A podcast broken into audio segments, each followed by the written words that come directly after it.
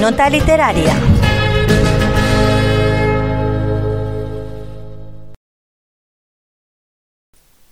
La mujer Goyut. Cuentan las viejas crónicas que a territorio monovero llegó el último individuo de los Goyuts. Los Goyuts fueron unos seres oriundos de la provincia catalana de Girona, que desaparecieron hará cosa de un siglo y que fueron apartados de la sociedad por puro desprecio y desconocimiento de la enfermedad que les afectaba.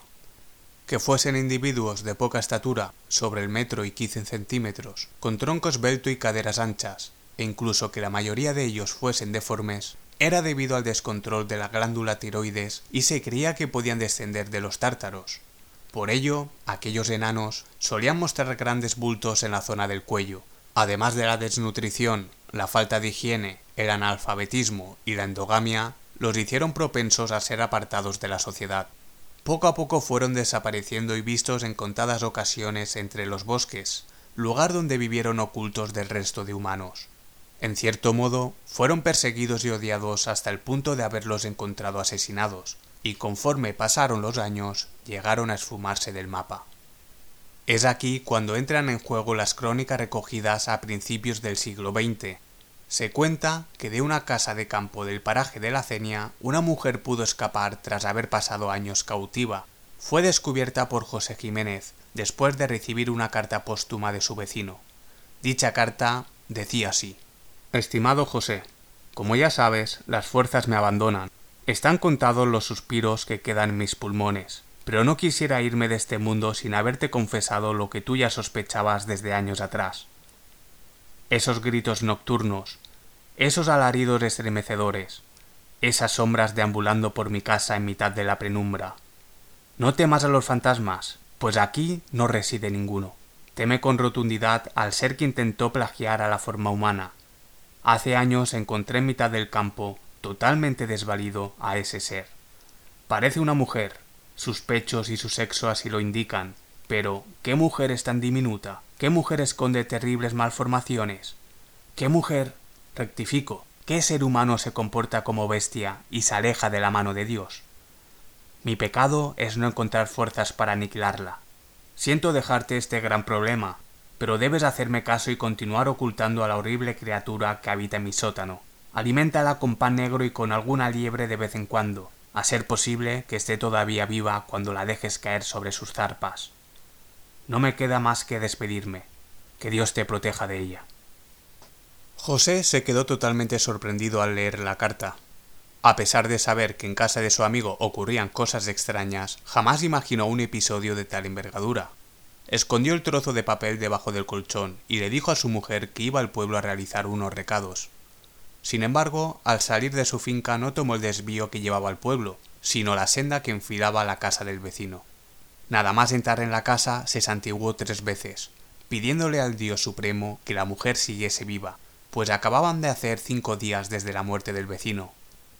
José reparaba más en la salud de la supuesta persona que se encontraba allí dentro que en los espeluznantes sucesos descritos en la carta. En un breve espacio de tiempo encontró la trampilla que daba al sótano, tiró fuerte de la villa y la pesada tabla de madera se levantó, dejando entrever unas escaleras y al fondo el piso cubierto de briznas de paja. El aire corrompido despertó los sentidos de José. Inmediatamente le abordaron las ganas de vomitar, pero se contuvo conforme pudo. ¿Hay alguien ahí? preguntó sin obtener respuesta. Fue bajando escalón por escalón hasta que sus pies se posaron en el suelo. A pesar de estar todo oscuro, podía distinguirse cada objeto de allí abajo.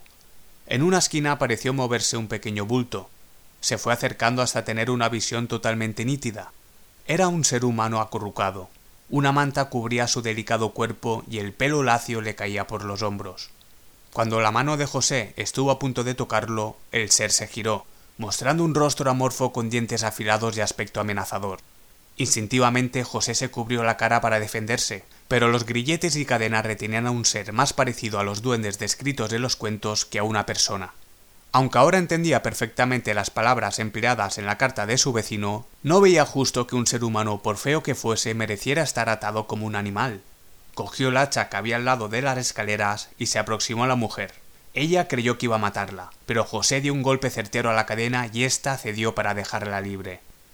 La mujer se quedó estupefacta por unos segundos, y, al reaccionar, corrió tanto como sus piernas le dejaron hacia las escaleras. José poco pudo hacer a su avanzada edad, pero intentó seguirla vociferando para que volviese.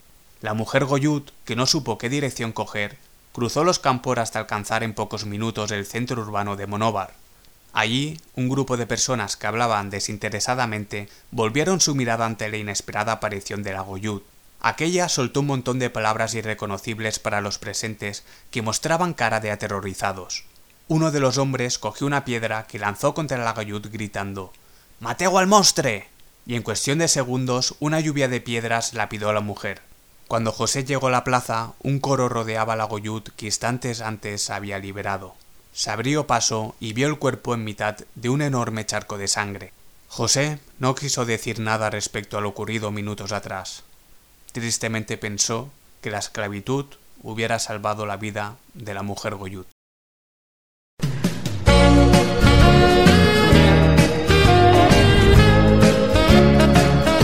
Nota literaria.